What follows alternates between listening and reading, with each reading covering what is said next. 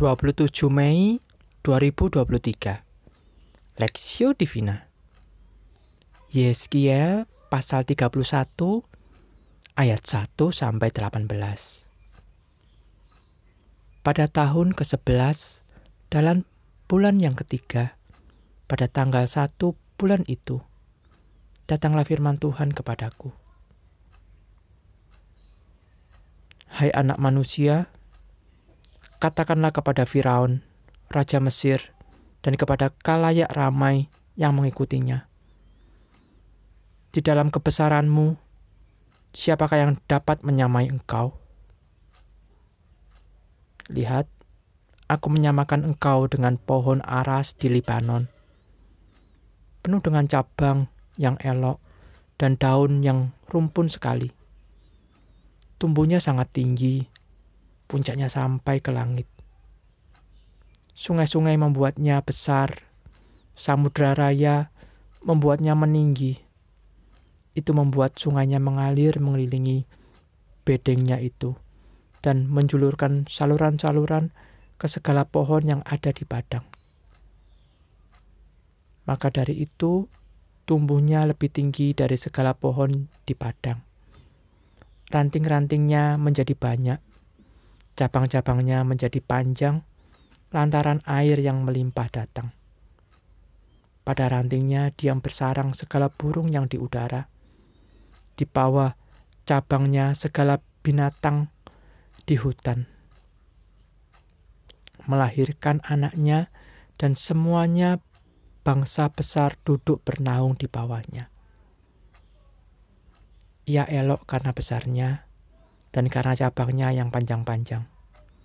Karena akarnya jalur-jalur jalur-jalar sampai di air yang berlimpah-limpah. Pohon-pohon aras di dalam taman Allah tidak akan dapat menyainginya.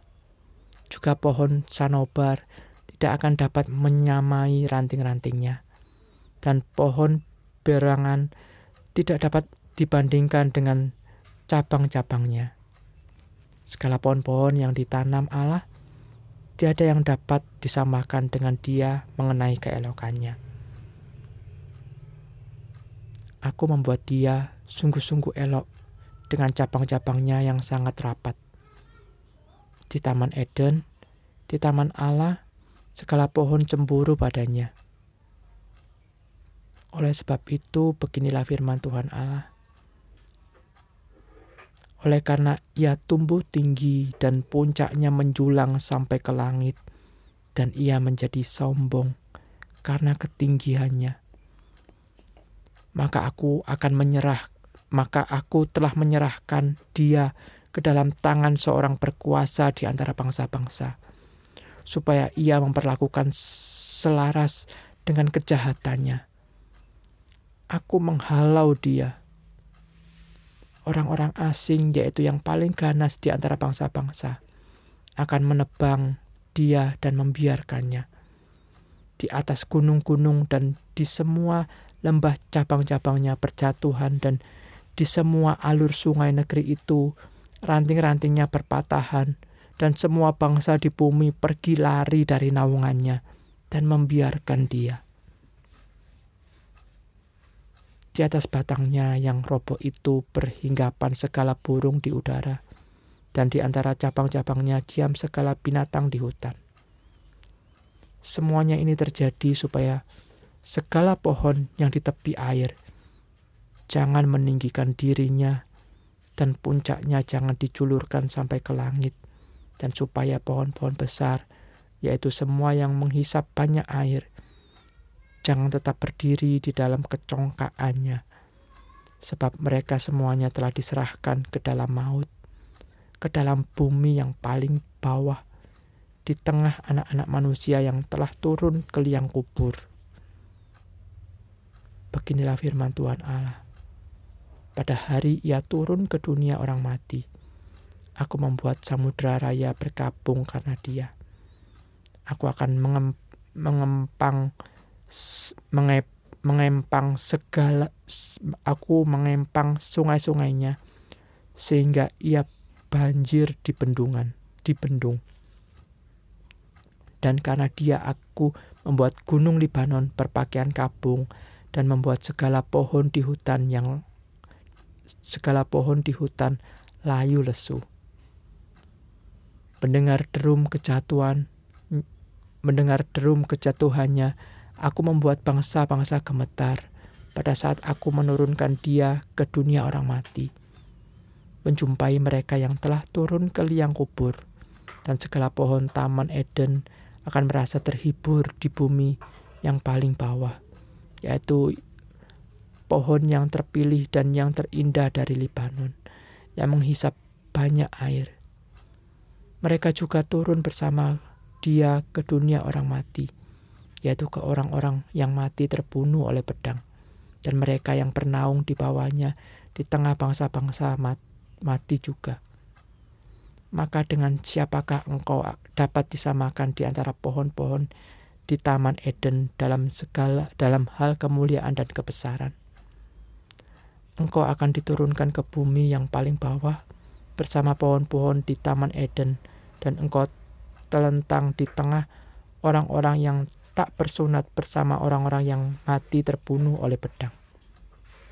Itulah Firaun dengan semua kalayak ramai yang mengikutinya. Demikianlah firman Tuhan Allah. Pohon aras yang jatuh perspektif. Oleh karena ia tumbuh tinggi dan puncaknya menjulang sampai ke langit, dan ia menjadi sombong karena ketinggiannya. Aku telah menyerahkan dia ke dalam tangan seorang berkuasa di antara bangsa-bangsa. Yeskiel pasal 31 ayat 10 sampai 11a. Setiap kita pasti pernah mengalami kesuksesan dalam hidup. Namun, apa jadinya apabila kesuksesan kita itu justru membuat kita menjadi sombong. Hal yang sama juga terjadi pada nubuat Nabi Yeskiel kepada Mesir. Dalam Yeskiel pasal 31, sama seperti Allah menghukum bangsa Asyur yang dahulu perkasa, namun sombong. Yeskiel pasal Yesaya pasal 10 ayat 5 sampai 19. Oleh karena itu Nabi Yeskiel memperingatkan bangsa Mesir dan rajanya untuk tidak menjadi sombong. Mengapa? Karena Allah yang membuat Mesir seperti itu. Yeskiel pasal 31 ayat 2 sampai 10. Sehingga sebagai akibat dari kesombongannya itu, Allah akan menghukum mereka. Allah tidak segan untuk menghukum mereka dan mereka akan diserahkan kepada orang yang berkuasa serta paling ganas di antara bangsa-bangsa. Ayat 11b dan 12a yaitu kerajaan Babel. Bandingkan pasal 28 ayat 7. Selain itu, Allah akan menarik air sebagai sumber kehidupan. Ayat 15 Padahal sebelumnya Allah memberkati mereka dengan air. Ayat 4 sampai 5. Memang kesombongan mengandung penghukuman Allah. Seperti Allah menghukum kerajaan Asyur dan Mesir yang sombong, begitu juga Allah tidak segan-segan menghukum siapa pun yang sombong, baik orang percaya maupun tidak percaya. Meskipun hukumannya bagi orang percaya dibandingkan dengan orang yang tidak percaya tentang kesombongan itu berbeda, tapi maksud dari hukumannya tetap sama, yaitu menyadarkan manusia agar mereka hanya bersandar kepada Allah. Yeremia pasal 17 ayat 7. Allah menghukum dengan tujuan menyadarkan kembali Percaya kepada Allah berarti bersandar kepada Allah yang lebih berkuasa dari kita. Konsekuensinya adalah kita tidak bersandar kepada manusia serta menganggap diri sendiri bijak. Amsal pasal 3 ayat 5 dan 7. Kita memang tidak mampu melakukannya sendiri, tetapi Kristus telah membebaskan kita dari kuasa dosa sehingga kita dimampukannya hidup bersandar kepadanya di dalam setiap aspek kehidupan kita. Studi pribadi, sudahkah kita benar-benar berserah kepada Allah dan tidak bersandar kepada kekuatan sendiri? Bagaimana kita bisa sepenuhnya bersandar kepada Allah?